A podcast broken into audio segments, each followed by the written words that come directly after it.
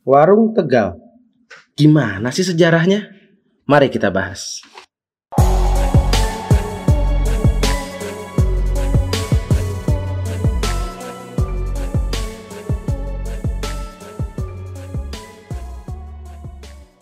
Selamat datang di podcast Simfoni Sekilas Info dan Ovini bersama gue Daniel Cerdik. dan gue Yunita Jo. Oke deh. Bertemu lagi nih bersama kita di episode kedua. Wah, Episode kedua. nggak terasa Yun. Kemarin Banyak, kan? kayaknya kemarin baru episode pertama, udah episode kedua aja. Magic. Wah. Eh, enggak enggak lah, enggak lah, enggak magic. Oke, Jadi gimana nih? Hari ini Gila. kita mau ngobrolin apa sih? kita kali ini mau ngobrolin tentang warteg. Apa? Warteg. Warteg. Apa yang lu tahu tentang warteg? Warteg. Warteg warung Tegal. Yo Ya rumah makan lah. iya, rumah makan. Ah. Terus lu zaman kuliah gitu suka makan warteg gak sih? Zaman kuliah dari kecil sih makan warteg gue. Lu udah kecil makan warteg. Iya, heeh. karena mak gue kan jarang masak gitu di rumah. Gitu ya. Nah, tapi sekalinya mak gue masak juga gue makan di warteg.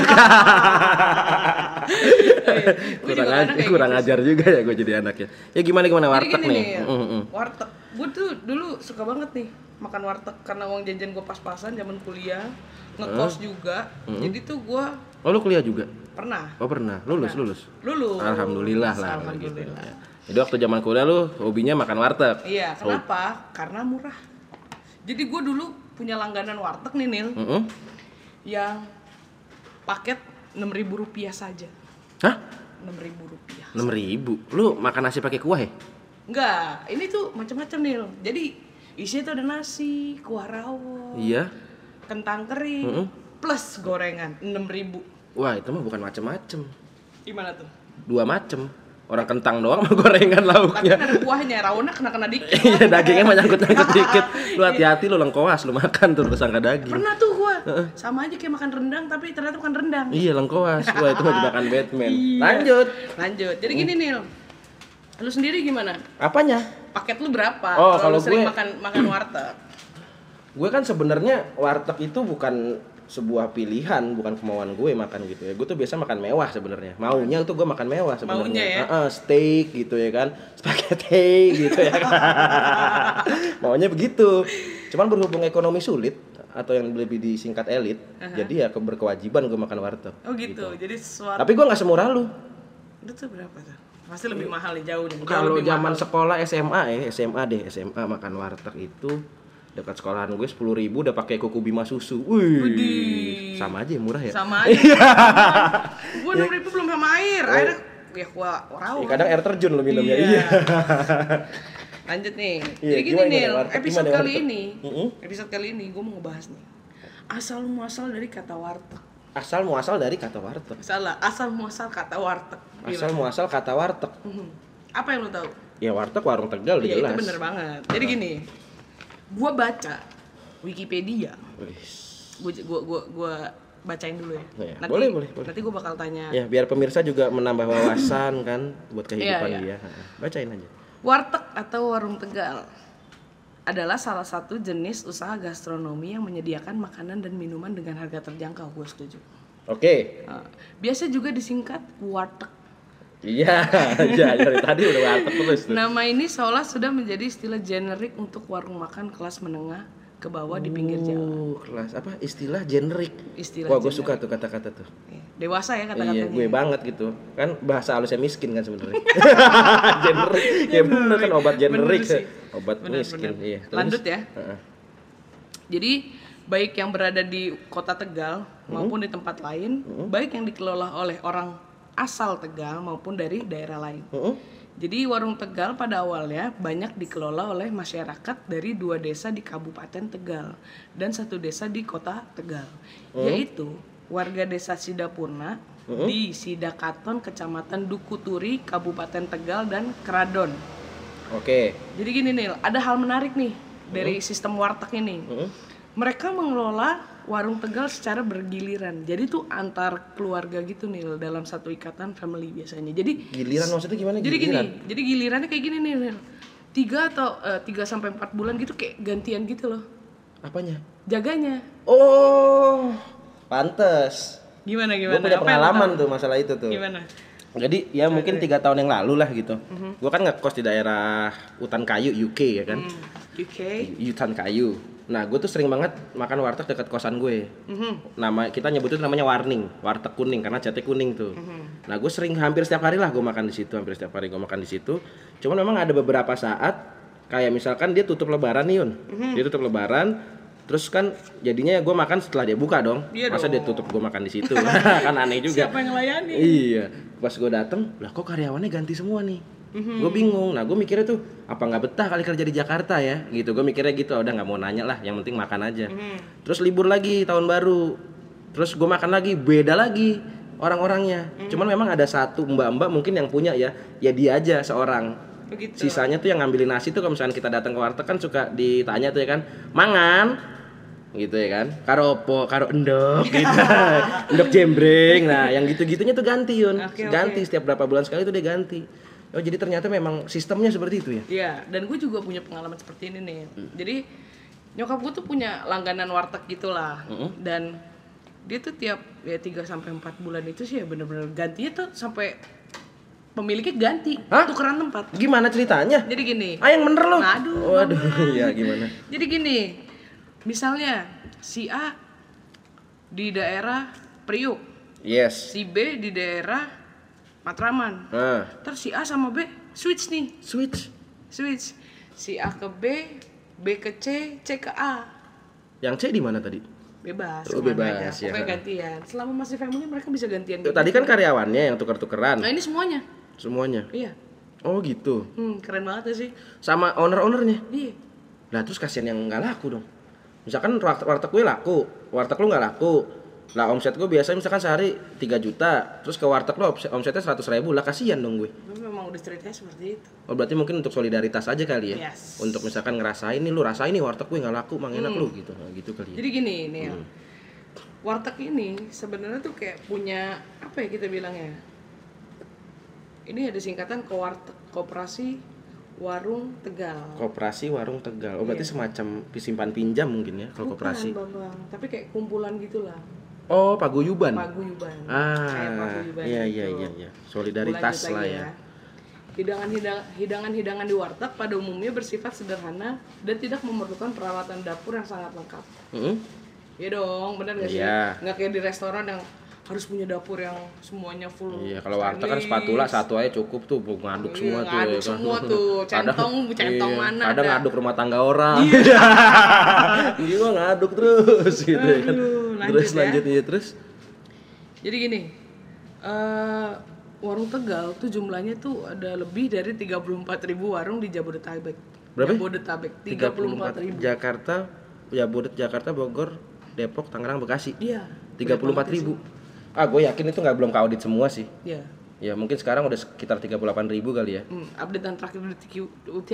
Updatean terakhir dari Wikipedia sih 34.000. Pasti bakalan lebih banyak Pasti lagi. lebih banyak. ah. Ya, terus kayak yang lu tahu warung Tegal kan nggak gitu-gitu gede-gede banget gak sih? Hmm. Dan ternyata pemilik Ya, pemilik warung Tegal itu Hmm. kalau di kampungnya tuh rumahnya megah. Jadi tuh dia lebih gimana ya bilangnya ya? Lebih semangat lah mencari uang. Oh, Tapi untuk berarti- di kampung. Oh berarti dia di sini kita bisa bilang di sini hidup biasa aja di kampungnya mewah. Iya, gitu. Tapi nggak heran sih gue, omset warteg sih gue yakin gede banget. Gue yakin sampai puluhan juta kali ya per bulan. Wah ratusan Yun. Menurut gue ya, Mhm. kalau sehari dia 3 juta aja udah 90 juta. Menurut gue Banyak ya? banyak. Oke, gue lanjutin dulu nih ya. Oke. Ini gue gua ceritain tentang sejarah warteg masuk ke Jakarta nih. Nil. Sejarah warteg masuk ke Jakarta. Mhm. Wah menarik nih. Jadi gini, Gimana gue begini? jadi menurut Kompas, Mhm. ini gue kutip dari Kompas ya. Warung Tegal atau yang diakrab eh, atau yang akrab di- dikenal dengan warteg muncul di Jakarta di tahun 1950. 1950 baru merdeka tuh. 5 tahun baru merdeka tuh. Ya, pada saat itu terjadi fenomena perpindahan ibu kota Indonesia Mhm. dari Yogyakarta ke Jakarta. Iya. Jadi saat perpindahan ibu kota ini banyak masalah dan bentrok terjadi sehingga orang-orang di Jawa Tengah banyak yang berimigrasi ke Jakarta Nil. Mm-mm. Tuh. Jadi di tahun 1950 pembangunan besar-besaran di Jakarta oleh Soekarno Mm-mm. saat it- saat itu kan Pak Pak Soekarno kan jadi presiden kan dia Iya. juga jadi arsitektur juga Iya, benar karena sih memang dia lulusan arsitek sih, Iya. sipil dia. jadi fenomena muncul warteg ini sendiri tuh gara-gara ibu kota Indonesia pindah dari Yogyakarta ke Jakarta Terus pembangunan yang besar-besaran. yes Kalau bahasa kerennya masif. gitu. Gitu ya? Iya. Gue baru nggak tahu sih? tuh keren keren Iya, iya, keren. Terus, jadi di Jakarta tahun 1950 pada Hmm. saat itu banyak masalah dan bentrok lalu terjadi urbanisasi orang-orang dari Jawa Tengah pindah ke Jakarta yes. karena banyak pembangunan di Kebayoran Baru itu kata Bapak JJ Rizal atau sejarawan Sejarawan JJ Rizal tuh. Mm. Jadi Hmm. pembangunan juga dilakukan oleh Soekarno dari Jakarta sebagai ibu kota kolonial ke kota nasional. Mm-mm. Terus Pak JJ Rizal lanjutin lagi nih. Dilanjutkan dengan pembangunan Jakarta dari ibu kota kolonial ke kota nasional. Mm-mm. Misalnya kayak pembangunan Monas, Jembatan Semanggi, Hotel Tugu, Indonesia ya waktu itu. ya. Tugu, Tugu Pembebasan Irian, akses, akses pelebaran jalan di Tamrin. Itu katanya sih kayak gitu. Jadi pada saat lagi pembangunan Monas, Mm-mm. terus Jembatan Semanggi, ya terjadilah urbanisasi itu. Iya. Terus? Jadi pada saat pembangunan inilah para tukang perlu makan dong. Karena banyak proyek besar dan eh, dengan tempat-tempat yang berbeda. Mm-mm. Warung-warung ini mayoritas pedagang berasal dari Tegal. Iya. Jadi waktu itu warung-warung diisi sama orang-orang Tegal nih Nil. Warung nasi ini ya buat ngasih makan benar, para pekerja berarti. Nah, jadilah warteg nih Mm-mm. sebagai penanda karena yang berjualan tuh orang Tegal. Jadi sampai sekarang dikenal seperti itu. Oh jadi memang awalnya Yune kalau gue boleh nanggepin cerita lo ini Mhm.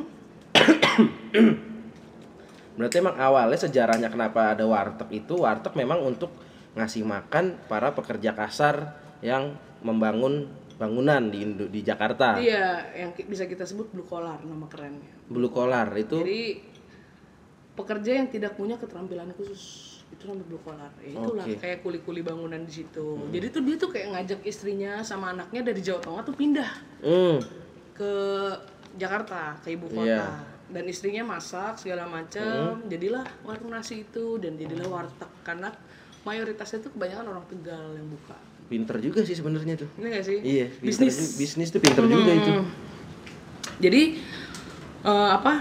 Mereka kan kayak udah bawa istrinya, bawa anak-anaknya, terus apa namanya? Dia berdagang, itu kan jadi satu bisnis nih. Iya. Terus dia juga mencari keuntungan. Nah, warteg ini tuh ada paguyuban yang tadi gue sebut tuh, Iya. koperasi warteg itu. Mm-mm. Nah ini kebanyakan orang-orang Tegal yang merasa senasib nih di Jakarta. Mm-mm. Dan mereka tuh punya peran untuk pembangunan kota Tegal. Warteg sebenarnya bukan hanya rumah makan yang mencari keuntungan saja. Sebenarnya warteg ini menjadi paguyuban orang-orang Tegal yang sama-sama senasib mencari peruntungan di Jakarta. Begitu loh Daniel. Oh jadi memang begitulah sejarahnya ya. Ya, jadi tuh kayak karena senasib di Jakarta.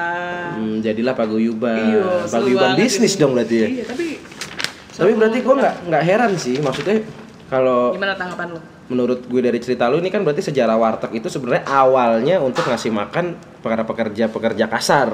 Mm-mm, Berarti- jualan untuk pekerja-pekerja Nah, kasar. ini yang mau gue obrolin berarti kan stigma stigma warteg itu sebenarnya sampai sekarang itu kayak tempat makannya untuk orang nggak punya uang, bener nggak sih? Iya. Iya nggak sih? Mhm. Walaupun lu kerja pakai jas, kalau gaji lu pas-pasan, lu pasti makannya di warteg. Hmm, Dan untuk, itu untuk orang menengah bawah lah ya. Iya, menengah ke bawah lah ya. Dulu. ya berarti memang sejarahnya seperti itu dan berjalan sampai sekarang. Berarti gue baru tahu itu gitu. loh. Mhm. Tapi menurut gua sekarang pun juga orang yang menengah tengah, menengah atau menengah atas pun juga semua makan warteg nggak sih? Menengah ke atas. Kalau gue kan termasuk golongan menengah ke atas ya Yun. Menengah ke atas bawah gitu maksudnya. Terus Iya sih, gua rasa sih iyalah makan warteg sih. Sekarang mungkin sekarang ya, mungkin beda kayak dulu ya. Kalau dulu mungkin dianggapnya warteg itu agak kotor, terus tempat orang-orang nongkrong, tempat preman pada nongkrong. Mungkin kalau sekarang gua ngeliat banyak warteg yang udah lumayan bersih sih. Hmm. Yang memang di setting tempatnya itu untuk ya untuk nyaman gitu. Udah mulai mengutamakan kenyamanan sih kalau gua ngelihatnya sih Hmm. ini gitu. kan kita udah ngebahas tentang paguyubannya, tentang dia masuk ke Jakarta seperti apa. Gua lanjut ya. Mm-mm. Ini tentang proses ekspansinya warteg di Jakarta. Proses ekspansi. Wih, keren juga nih. Ini bisnis Proses mikro yang bukan main-main nih, Iya. lah. Don't play play nih asik. Don't play play. gimana gimana Nih, ekspansinya gua, tuh? gua juga ngutip dari Kompas. Hmm? Jadi gini, tidak sulit mencari warung Tegal dan warteg di kota metropolitan seperti Jakarta. Setuju. Selang ratusan meter aja tuh udah ada warteg-warteg lagi ya kan. Ada yang sebelahan malah. Nah, fenomena banyaknya warteg seperti mengalahkan usaha kuliner ikonik daerah lain. Hmm. Kayak pecel lele, Hmm.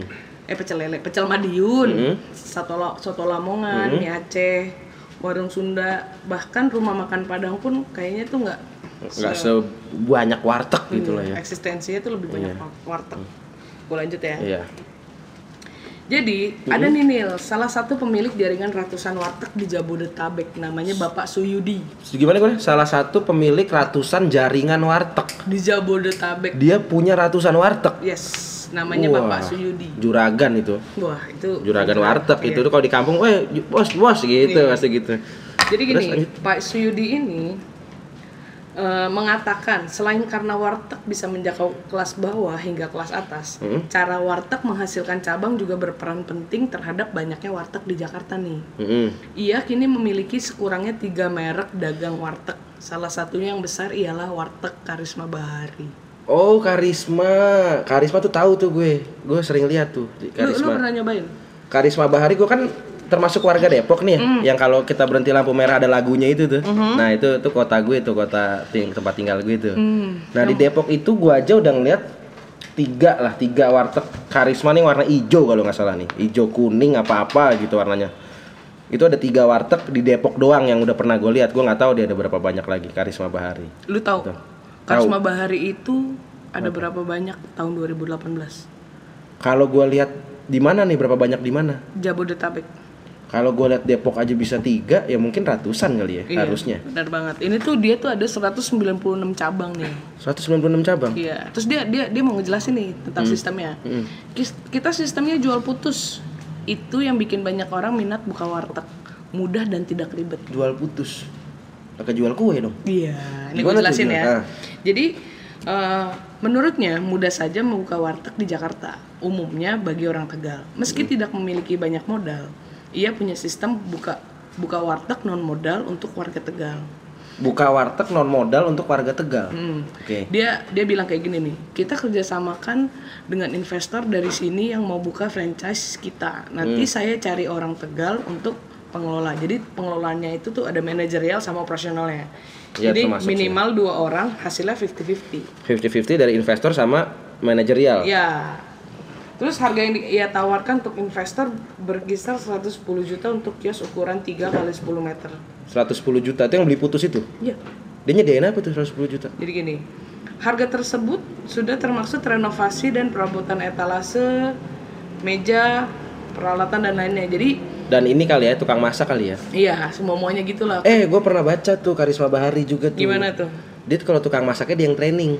Begitu? Iya. Keren banget. Iya, dia dia training tukang masaknya. Jadi misalkan lu investor, lu buka lu selain sediain tempat, mungkin orangnya dibantu cari ya untuk awal sama dia, Mhm. terus di training masaknya gitu. Oh, jadi bener ya. Nah, franchise kan gitulah Nah, rata-rata kalau terus dia resto. nyebutin nih jual putusnya tuh jadi nggak terlalu mahal Mm-mm. dan nggak banyak embel-embel. Terus orang Tegal juga bisa ikut usaha tanpa modal nih. Nah, Bahkan jadi investor juga bisa dicicil. Waduh. Misal dari kampung ada 70 juta. Gimana gimana? Misalnya dari kampung, dia dari kampung nih, cuma ada duit 70 juta nih. Misalkan gue dari kampung, lu si Pak Pak itu, Pak Suyudi. Pak Suyudi, Pak saya cuma punya 70 juta Gak gitu, apa-apa, boleh. saya bantu kamu buka Padahal harusnya 110 juta. harusnya 110 juta, Hmm. tapi gue cuma punya duit 70 juta, bisa. Bisa. Harus orang Tegal tapi. Ya nggak harus orang Tegal sih sebenarnya. Dia dia dia mengatakan ini kan karena mungkin solidaritas antara orang-orang Tegal kali ya. Jadi dia Oh, Oke. bantuin. Oke oke oke. Iya nggak sih? Lanjut. Jadi dia bilang dia menggunakan sistem franchise sederhana. Hmm? Jadi kebanyakan juga ada orang yang berdiri sendiri tuh Nil. Iya. Nggak nggak nggak kayak dia lah. Mm-mm. Terus jadi 110 juta itu atau 70 juta itu tuh nggak termasuk tempat Nil. Oh jadi tempat gue yang sediain. Iya dong. Oke ya memang gitu sih, franchise Ya kan? rata-rata memang mungkin dong gitu sih. 110 juta dapat Tapi tempat. cerdas loh dia bikin franchise warteg itu. Iya, Berarti kan iya. warteg udah kelas McD. Nah, benar tuh Nil. Bisa sekelas McD. Dia franchise tapi simple. Nah, menurut kata si Pak Suyudi tadi nih, dia bilang menurut salah sa- eh, jadi menurut dia salah satu sifat orang Tegal yang ingin membuka warteg itu tidak mau mengerti prosedur yang berbelit. Mm-mm, mm-mm. Dia mencontohkan seperti izin mengeluarkan produk, izin usaha restoran, yang lain-lainnya. Mhm. Jadi tuh kayak karena nggak mau ribet, makanya mereka lebih milih warteg Oke. dengan cabang. Jadi sekarang kan si Pak Suyudi ini kan punya 196 cabang nih kurang Mhm. lebih, pasti lebih lah. Iya. Ini kan tahun berapa nih 2018 2018, itu ya. ya kan? Jadi pasti kan lebih banyak. Lu yang udah nyobain warung Karisma Bahari, menurut lu taste-nya gimana? Karisma Bahari kan gue lihat tuh kemarin tiga di Depok. Nah Mhm. terus gue kemarin memang nggak sengaja itu nyobain, nyobain Karisma Bahari yang ada di Ragunan, Hmm. Ragunan. Itu memang bersih sih warungnya tuh. Gue akuin memang bersih. Dia kayaknya memang ngincer ini deh. Karisma Bahari tuh kayak memang ngincer stigma masyarakat yang bilang warteg itu untuk makanan orang menengah ke bawah. Ini di sini konsepnya dibedain sama dia. Yang gue rasa sih gitu. Karena waktu gue makan itu memang bersih, bersih banget. Semuanya bersih, etalasenya bersih, makanannya bersih. Cuman gue tuh udah pernah makan dua kali di warteg Karisma Bahari. Hmm. Ada yang enak, ada yang enggak sih Yun. Oh gitu. Rasanya. Ada yang enak, ada yang enggak. Yang gue makan di Pejaten itu enak. Gue pernah makan di daerah Sawangan Depok kalau nggak salah ya. Mhm. Atau Cinere, gue lupa deh. Itu nggak gitu enak sih. Kurang ya, kurang. Kurang. Oh, gue pernah kalau nggak salah sekali lagi di daerah Trogong, Pondok Indah. Mm-mm. Itu karisma juga kalau nggak salah. Kalau nggak salah iya. Itu lumayan sih. Tapi enak yang di Pejaten itu yang di eh di warung eh warung buncit. Mana Ragunan itu. Mhm, Itu oke. enak tuh. Gua gua gua lanjut kali Hmm, ya. Kita hmm. ngebahas tentang eh, kelebihan dan kekurangan makan di warteg. Menurut lu kayak gimana? Gimana? Kelebihan? Kelebihan dan kekurangan makan di warteg. Apa? Gue mesti jawab apanya dulu nih? Eh, kelebihan dulu kali ya. Kelebihan makan di warteg yang pertama murah, Mhm. yang kedua porsinya banyak. Wah, Mhm. itu porsi nggak main-main tuh. Kadang nasinya kayak serut tuh ya. Kita lihat. Tinggi bener. Iya, busetin nyendok aja ya kan dikata gua Robocop. Robocop makan nasi ya enggak ya? Enggak lah, Pertama murah. makan Makan aki baterai. kali. yang pertama murah, yang kedua itu banyak porsinya, yang ketiga itu menurut gua banyak selain banyak porsi banyak pilihan makanan, ada sayur, ada daging. Yang keempat itu makanan rumah Gitu ya. menurut gue. Makanya kenapa warteg itu ya termasuk gue ya salah satu penggemar warteg sih. Gue setuju sih. Jadi nggak bosen ya. Karena tuh dia kayak bisa bisa nyiapin 30 sampai 40 macam makanan. Oh iya, tapi menu favorit lu apa sih di warteg? Gue mau tahu deh. Kita jangan bahas enam ribu dan sepuluh ribu tadi, itu Nah. budget pas-pasan. Iya iya. Kalau lu lagi kaya, lu ke warteg. Tapi ke warteg nggak sih lu kalau lagi kaya? Makan lah tetap tetap lah ya. Tetep Apa dong. yang akan lu makan di warteg? Kalau gua bisa telur dadar Hmm? plus rendang kali ya. Rendang, Rendang. warteg tuh khas. Iya, bukan Iya rendang sih? padang Bukan beda. rendang Iya, Padang. manis Rendang- dia biasanya. Kalau rendang padang kan rempahnya tuh berasa banget. Hmm. Kalau yang di warteg kan manis-manis Manis-manis asin Iya, rasanya. iya, iya, iya. Sama gorengan tempe sih itu nggak boleh ketinggalan sih Nil. Rendang, telur, gorengan. Iya. Minumnya air terjun. Iya. kan dia air terjun, Mbak. Air airnya di atas ya, Mas. Air Oh iya terjun bener bener air ngambilnya di atas etalase ya. Iya, gue mau air terjun dari Tetep lah. atas. Iya. Teh anget tawar biar gratis. Teh hangat tawar biar gratis. Nah, kalau lu Nil Kalau gue sih ya, kalau gue sih kalau makan warteg lagi punya uang lagi lebih lah. mewah lagi, lagi, Lagi mewah. Tapi gue tetap nggak pernah mewah sih makan di warteg. Gimana? Apa? apa? Setelan gue paling sayur bening, entah Mhm. itu sop atau bayam. Terus telur, orek kentang, orek tempe itu udah pasti. Gue penggemar orek kentang soalnya kentang siapa sambal goreng kentang tuh. Oh. Nah itu peng, gue penggemar berat sambal goreng kentang sih. Gue mungkin aja berarti ya. Nah, gue mungkin udah nyobain sekitar seribu koki yang masak sambal goreng kentang tuh di dunia. Oh iya, lu kan hidup lama juga ya. Iya, gue kan ini dari zaman Flintstone. Tahu Flintstone Utap kan ya, utap.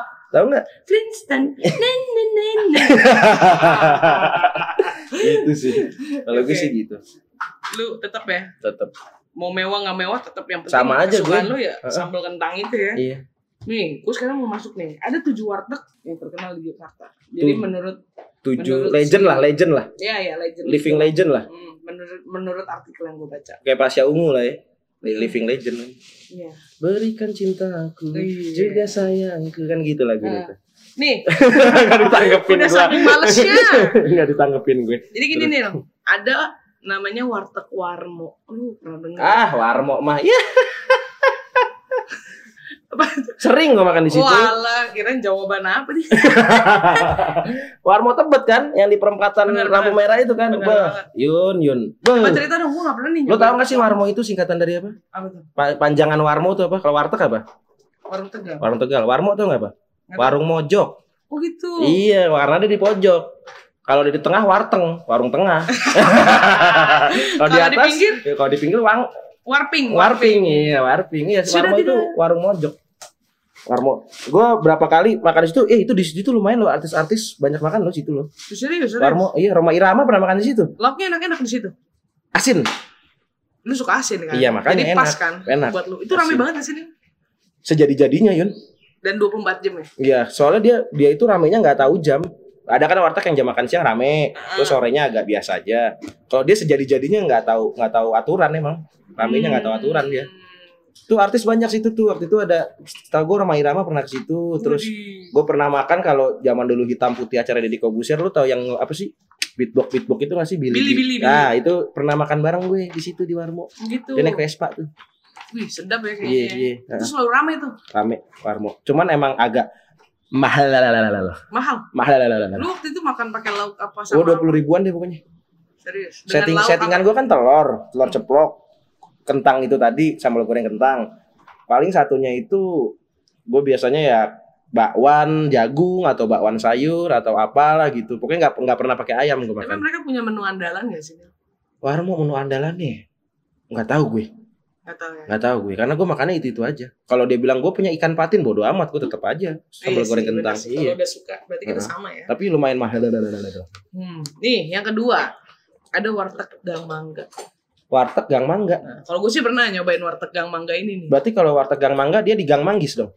Mangga bang. Oh, di Gang Mangga ya. Ini ya. ada di daerah Glodok nih Nil dan Oh. 24 jam juga. Gua Warteg Gang Mangga di daerah Glodok yang jual orang Tegal. nggak nanya sih sama orangnya. Glodok ya? Gue curiga Cina Tegal tuh. Kagak, kagak. kagak Bambang. Oh, bukan Cina Tegal berarti. Kurang tahu saya yang Bisa punya jadi, siapa. bisa jadi kan di Glodok. Tapi menurut gue enak sih di Gang Mangga itu. Lauknya Bersih ya nggak? Bersih nggak? bersih dan gede tempatnya. Jadi tuh dia bukan Berarti dia kalau- memang dia tetap memang ada etalasenya karena itu kan udah jadi khas uniknya dia kan. Dan Apa? Khas uniknya tuh apa? khasnya dari warteg itu kan etalase, meja etalase. Ah, Mm. Iya, iya. Iya. Pokoknya meja tuh langsung etalase Iya, gitu maksud lu kayak kan. gitu. Iya. Cuma dia juga nyiapin tempat Hmm? yang orang-orang tuh bisa makan kayak kayak warung bakso gitu lah maksudnya ada mejanya panjang ya banyak, banyak kursi jadi ba- masih banyak space lah lo jadi Oh. makan bisa Tuh warteg Gang Mangga tuh. iya Cobain deh ntar ya sekali-sekali. iya boleh boleh boleh Enak tuh. enak sih kalau Harga menurut harga harga sama kayak warmo deh kayak mahal sedang lah dua puluh Coba coba mahal tuh gitu. Mahal Biar kayak Vanessa Angel, mahal gitu.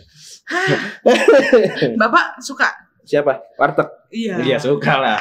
nih yang ketiga Nil WKB warung warteg karisma bahari Oh, itu mau udah pernah makan gue. Kan gue bilang ada yang enak, ada yang enggak. ya WKB. di Jakarta ada 92 lokasi loh nih Jakarta 92 lokasi. Mhm. Mungkin sekarang udah jadi 92 setengah kali ya.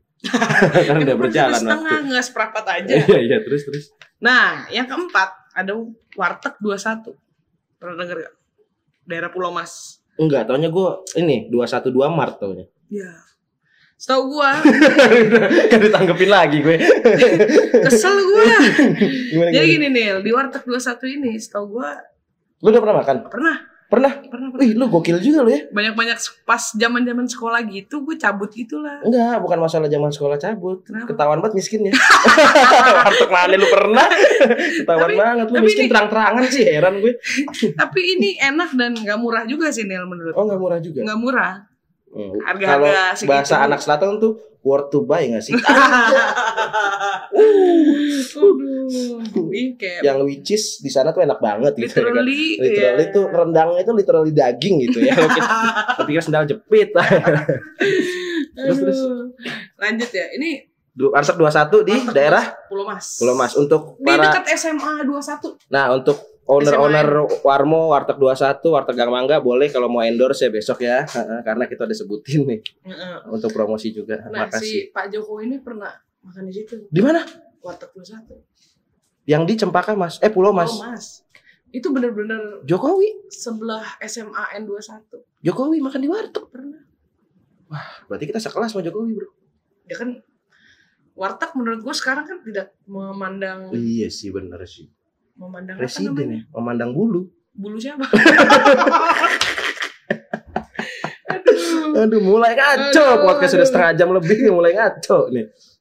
Warteg 21 Pulau Mas. Pulau Mas lu harus cobain juga yang kelima warteg berkah jaya jadi kalau misalnya gue tanya-tanya yang sekitarku pasti pernah coba cuma mereka nggak tahu namanya apa Mm. Emang di mana itu? berkah jaya itu ada di kelapa gading Di Kelapa Gading. iya Di Kelapa Gading di ada Kelapa warteg. Gading.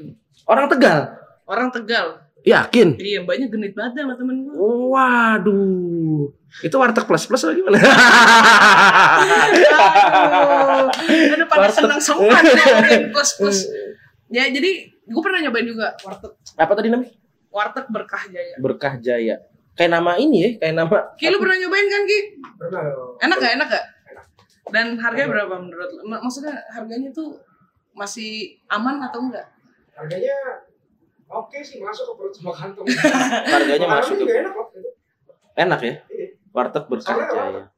Tapi kayak nama ini ya, kayak nama apa sih namanya? Dagang itu semen. Lu jangan lu jangan salah nih. Di- atau kebangunan. Se- Selain di Kelapa Gading dia juga bukan di Kemang. Yang which is Yang whicis. Iya, iya. Warteg Berkah whicis dong dia. Waduh, mantep Pak Ji. Es terus, es terus. Lanjut Di Kemang ya. Kemang mananya? Pokoknya Gua anak Kemang banget nih. Iya lah. Gua anak Kemang banget, gua tahu banget Coba iya, lu kalau misalnya emang anak emang banget coba lu cari ntar kabarin ke gue gue nggak tahu soalnya. Oke lanjut yang keenam. Nah yang keenam nih Nil ada namanya di warteg. Ini lebih modern. Apa? Di warteg. Di warteg. Lu makan di mana, Yun? Di warteg. Iya, asik juga tuh. Keren juga tuh. Jadi anak-anak muda Jakarta yang tidak pernah lelah berinovasi. Jadi kayaknya ini anak Oh, ini anak muda punya. kayaknya anak-anak muda yang Jakarta punya Iya, benar-benar. Di mana daerah mana? Daerah Kemang. Di Kita coba sih. daerah Kemang. Iya ya. Yang selanjutnya. Tapi yang gue lihat gambarnya Nil, Iya. di warteg ini bersih banget dan beda sih dari warteg-warteg yang lain. Oh, berarti memang dia ngincer menengah ke atas tuh. Iya. Kalangan-kalangan gue gitu kan. Tetep ya. Iya. Yang ketujuh. warteg Express. Hah? Warteg es Wah, Express. nggak enak tuh makan situ. Kenapa gitu? Udah cepet-cepet. Ayo cepetan Oh, buruan. bang, keropo, kerondo, keropo, keropo, keropo, kelar, piro, gitu kan. Lu kelar udah lima menit selesai lo. Lu juga ekspres punya partner kayak gitu, tapi lucu. gitu. Aduh. Ya, Nggak, nggak asik lah, nggak bisa Nah. santai-santai. Jadi warung Express ini nih, ini ada di daerah Menteng. Nah, menteng mah udah ketahuan. Ketahuan aja. Mahal tuh pasti. Nah, gini nih. Setelah kita membahas keseluruhannya, gue tuh lupa kita belum membahas tentang kekurangan dari warteg. Kekurangan dari warteg. Nih, Menurut menurut lu kekurangan dari warteg tuh apa sih?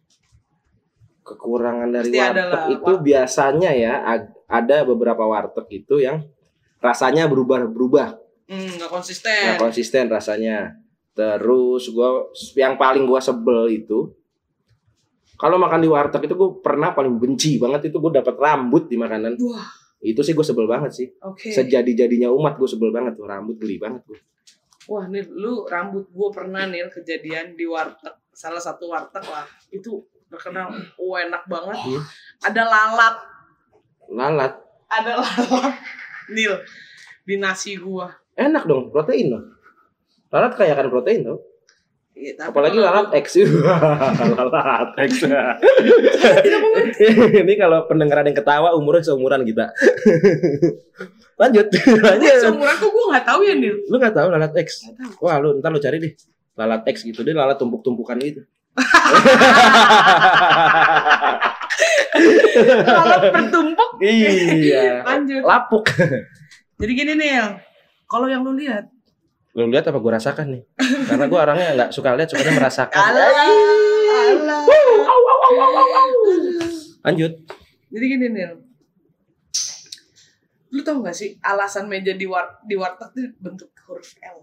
hah apa kan kaget gue Puang puang puang. puang. huruf L Hmm. Oh, yang ada di pojokannya tuh hooknya itu ya? Iya. Kalau ngebahasa anak properti hook tuh. Iya. Iya. Iya. Jadi Nggak- nggak tahu gue. Oh, gue tahu sih. Coba coba. Kasih tau dong. Soalnya kalau huruf Z agak ribet tuh dia. ya kan? Gimana belok belok lagi ya, nabrak dong Tapi orang. ini menurut Bapak Suyudi. Oh iya, Suyudi lah. Kembali Bapak Suyudi. Pak Suyudi boleh lah kita dibikinin warteg lah satu lah kali ini. Disebut mulu dari tadi namanya. Iya Pak, Bapak tuh lagi ditinggi-tinggikan oleh kita. Hmm. Pendengar kita udah ada 100 juta jiwa loh. Wah, lebih. Sedunia dan neraka. Jadi kenapa meja di warteg itu hurufnya L? ada huruf L-nya ada belokannya gitu. Bukan, ada belokannya. Emang tapi selalu L ya? kebetulan iya. Warmo iya. Warmo L. WKB, WKB. WKB yang di Pejaten L. Ah, Eh Pejaten, Ragunan L. War warning gue warteg kuning itu yang pegawainya gonta-ganti L. di, Iya, L. Di, di, di warteg berkasih juga L. L. Aha. Oh gitu. Iya, gue baru sadar. Oh, ini Da Vinci Code nih. Lu tau gak kenapa? Kenapa? Biar hemat tempat doang. Sumpah lu. Sumpah lu. iya, bener. Anjir gue gue kesel ya. Gue udah berharap ada konspirasi apa di balik huruf L gitu, ada. Illuminati atau Itu apa biar, gitu. Biar gampang aja geraknya Atau sih konspirasi sebenarnya. Yahudi gitu nggak ada ya. Ada. Ah, kecewa lah gue. Udah cuma itu doang. Aduh, anti klimaks nih begini nih.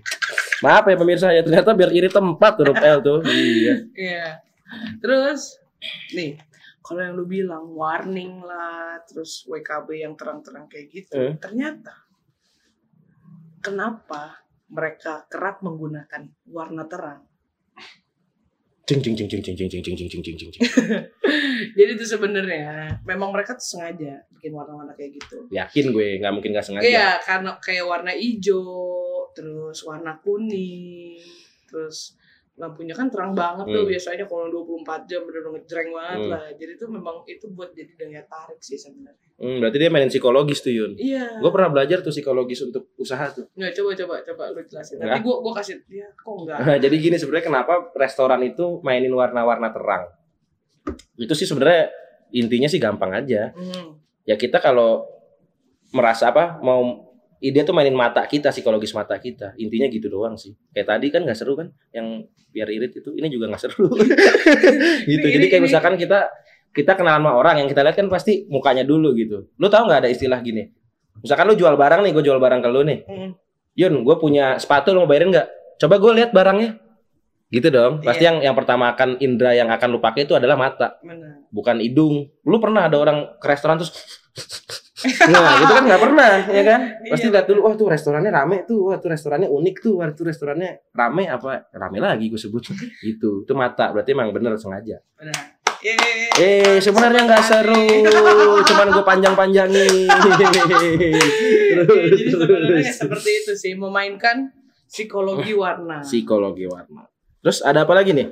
Ah, sudah sampai di situ sih sampai di situ ya. Jadi sebenarnya intinya itu adalah warteg emang dibikin dulunya tahun 1950 untuk para pekerja kasar Blue oleh orang-orang Tegal ya blue collar itu. Nah, gue sih ada sedikit pembahasan sih. Wah, coba coba. Gua- Kita kan udah ngomongin sejarah nih Yun. Mm-mm. Lu bilang warteg itu 1950. Dari yang gue temukan sih lah kayak ada yang kehilangan gue temukan. Sebenarnya warteg itu bukan dari 1950, Terus dari zaman VOC bro. Serius lu nih. Iya, VOC zamannya Belanda. Londo kalau kata orang Jawa tuh. Coba gue pengen tahu info. Tapi ini nggak panjang sih sejarahnya. Ya, lu, lu singkat lah, lu singkat lah. Jadi ada yang percaya ini masih urban legend lah. Jadi ada yang percaya, ada yang percaya jadi nggak nggak jelas faktanya. Hmm. Ada yang percaya bahwa asal usul warteg sebenarnya bisa ditelusuri sejak zaman penjajahan VOC dalam bentuk bedeng darurat yang menyediakan logistik untuk pasukan Sultan Agung. Jadi zaman dulu ya memang sudah ada bedeng-bedeng yang jualan makanan, ya itu mungkin cikal bakalnya warteg. Itu doang sih yang gue baca. Tapi nggak ada nggak ada fakta jelas atau bukti jelasnya. Kalau gue kan seneng cerita yang nggak masuk akal gitu tuh. Ini gue ungkapin gitu. Terus sebenarnya ada yang hilang dari warteg sih. Ada sejarah yang hilang dari warteg. Apa tuh? Lu per, lu kalau sarapan di warteg makannya apa? Nasi. Biasa aja kan? Hmm. Nasi dan lauk pauk. Sebenarnya dulu warteg itu menyediakan menu yang namanya nasi ponggol. Apa tuh? Nasi ponggol itu makanan khas Tegal yang sebenarnya harusnya dijual di warteg karena warteg warung Tegal, ya kan? Oh iya iya. Harusnya itu ada nasi ponggol. Nasi ponggol itu sebenarnya cuman nasi dibungkus pakai daun pisang sama sambal orek tempe, terus ya sama lauk aja kadang bihun kadang telur gitu. Jadi sebenarnya ya nasi bungkus aja. Cuman dia porsinya itu nggak gitu banyak hampir-hampir kayak nasi kucing gitu. Oh, kayak sego kucing ya. iya Oh, itu itu gitu. sebenarnya nasi ponggol. Cuman sekarang udah jarang tuh warteg yang sedia nasi ponggol. Oh, gitu. tapi harusnya dulu tuh ada nasi ponggol. Itu sih. Terus ada apa nih kira-kira nih? Kalau gue sih kalau udah ngebahas warteg nih nggak seru nampaknya kalau kita nggak ngebahas yang mistis-mistis Mistis tentang warteg ya. iya. Lu pernah nggak sih Yun? Yun. Apa sih nih? lu pernah nggak sih? Apa tuh? dengerlah desas desus desas desus gitu. Warteg. Lu pernah nggak sih? Wah tuh jangan makan warteg itu enak tuh. Diberakin tuyul. Gitu Iya. Iya, nanti pernah dong. Menurut lu gimana tuh? Mistis mistis warteg. Nggak jauh lah dari kata apa kalau kita nyari itu nggak jauh lah dari pesugihan minta Gue itu. pernah denger sih kayak nah gitu. apa yang lu gua- yang lu gua- pernah dengar tuh gimana? Yang gue pernah denger wah jangan makan di sini nih. Kalau Mm-mm. dibawa pulang nggak enak. Nah harus itu makan di tempat. Nah itu ada salah satu warteg yang kayak gitu ada gue pernah nyobain. Wah gimana? Emang enak di tempat begitu dibungkus. Wah kebungkus Yun. Elunya. Nggak kalau dibungkus nggak enak Yun. Itu. Itu gue udah nyobain sendiri. Sumpah hambar sejadi jadinya wah ngeri sih. Jadi ceritanya tuh gue makan di situ. Emang gue suka makan di warteg itu. Terus suatu saat gue males gue datang tuh rame banget. Aduh nggak dapet tempat duduk nih gitu ya kan Hmm. males lah. Terus ya udahlah gue bungkus aja gitu makan di kosan. Pas makan di kosan sih jujur aja rasanya tuh hancur banget sih. Rasanya hancur banget. Nah usut punya usut banyak lah teman-teman yang ngomong coba deh lu kalau makan di warteg itu lu bungkus. Pasti nggak enak. Pasti ada yang ngomong kayak gitu. Nah gue langsung iya ya bener juga ya kata dia nah sebenarnya ya kalau untuk kita ngebahas masalah-masalah gini lu ingat nggak tadi eh, dua desa yang lu sebutin? Desa apa? Sidakaton? Sidakaton dan sama... desa Sidapurna bener nggak? Iya benar ada budaya sebenarnya di desa Katon dan desa Sidapurna itu sebenarnya. Apa tuh? Setiap malam Jumat Kliwon itu owner-owner warteg yang berasal dari situ tuh pulang pulang ke desa itu. Setiap malam Jumat Kliwon. Kenapa tuh Nil? Ya dia di sana ada bahasanya itu kayak nyekar kayak meditasi Hmm. kayak ada upacara apa itu selalu. Wow. itu yang gua bertahu baca sih. yang gue baca. Tadi itu ada beberapa katanya ada budaya itu. Jadi setiap malam Jumat Kliwon setiap bulannya mereka akan pulang. Gitu warteg tuh gitu informasi yang sangat informasi bagus. yang sangat tidak diketahui kebenarannya. Ya, ini masih tanda tanya lah ya. Boleh Hmm. dipercaya boleh tidak Mm-mm. dipercaya. Jadi lebih baik apa tuh Nil lebih baik ya enjoy aja. Enjoy aja gitu sih. Ya. Warteg tuh. Tapi ya sebenarnya menarik sih pembahasan warteg kita ini tapi untuk warteg-warteg legend tuh kita mesti cobain sih yang tadi. Kita harus nyamperin sih Mm-mm, satu-satu harus sih. nyamperin sih yang satu-satu. Mumpung 24 jam ya. Di sini kita makan kali ya. Di sini makan sate yuk. Nggak nyambung sama jam tema ya pembahasan ya. dari warteg. Ya. Nah, terus ada warteg juga tuh salah satu warteg yang pernah kebakaran tuh. Ada salah satu warteg terkenal, dia pernah kebakaran hangus. Pernah. Tapi itu katanya itu pertanda baik. oh gitu Iya, kalau warteg atau rumah makan lu pernah kebakaran atau hancur, itu pertanda lu akan tumbuh akan lebih bagus. Katanya sih gitu. Itu aja sih dari situ.